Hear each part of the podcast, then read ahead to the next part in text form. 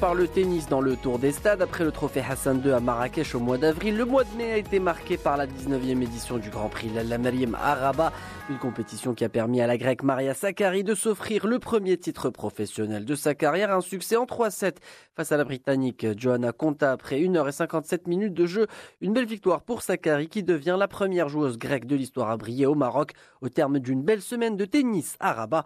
Pour nous en parler, Khalid Outalb, directeur du tournoi, il est notre invité de ce tour des stades. On est très fiers de l'organisation, très fiers des retombées euh, et des réactions des joueuses en termes d'organisation. Puis on a eu vraiment été récompensé par une très belle finale avec euh, une première victoire d'une future grande joueuse. Donc euh, tous les ingrédients vraiment et une, une fin en apothéose hier euh, sur le cours central des, cheminots de Rabat. Alors, euh, une fin en apothéose euh, à Rabat avec cette belle victoire de Maria Sakkari. On a remarqué que plus la finale s'approchait, plus le public affluait de plus en plus. On a vu qu'il y avait pas mal de public lors de la finale. Oui, c'est vrai. On est, on est quand même un peu handicapé parce qu'on doit terminer, faire une finale le samedi et non pas le dimanche comme les, tournois traditionnels euh, à cause du tournoi de Madrid qui commence le, dimanche. Donc euh, malheureusement, ça, nous oblige peu à faire une finale le samedi.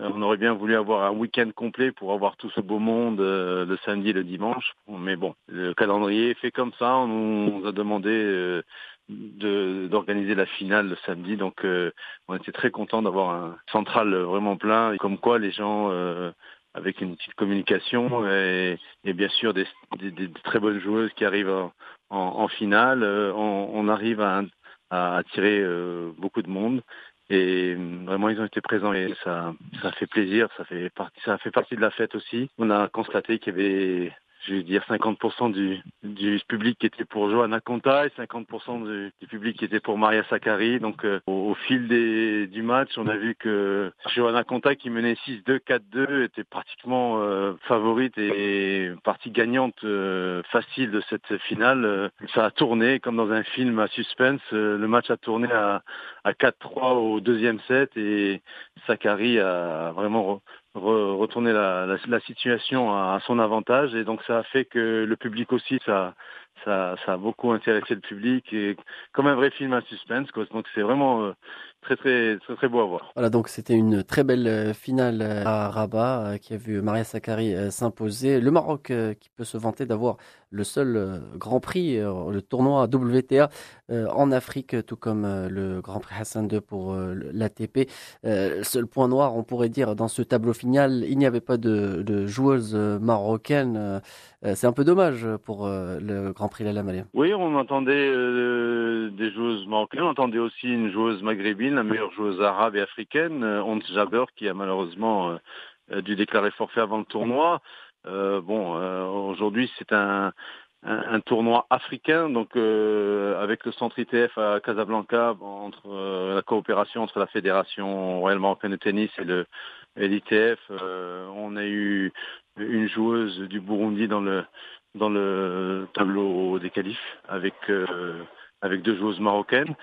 C'est sûr que le niveau augmente de plus en plus, mais le tennis euh, au Maroc euh, se veut un carrefour euh, donc entre le tennis africain et le tennis mondial. Avec Hans Jaber, il faut bien rappeler que Hans Jaber a fait toutes ses classes pratiquement au Maroc, dans les tournois ITF junior et les tournois de 15 000 dollars. Donc c'est une récompense aussi des efforts de la Fédération royale marocaine de tennis.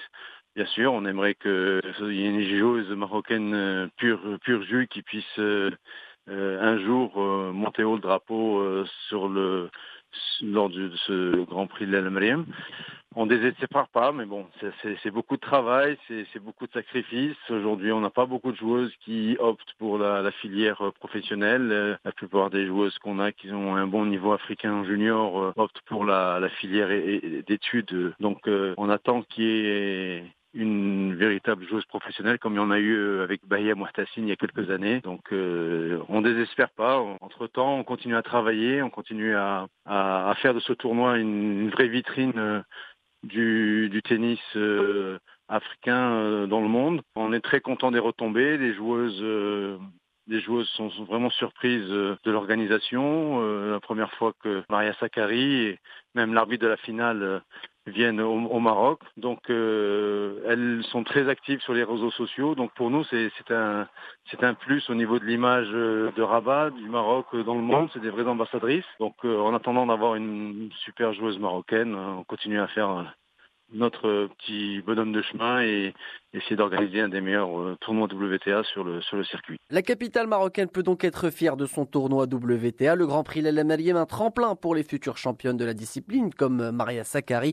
De son côté, la participation marocaine se fait attendre, du moins jusqu'à l'année prochaine.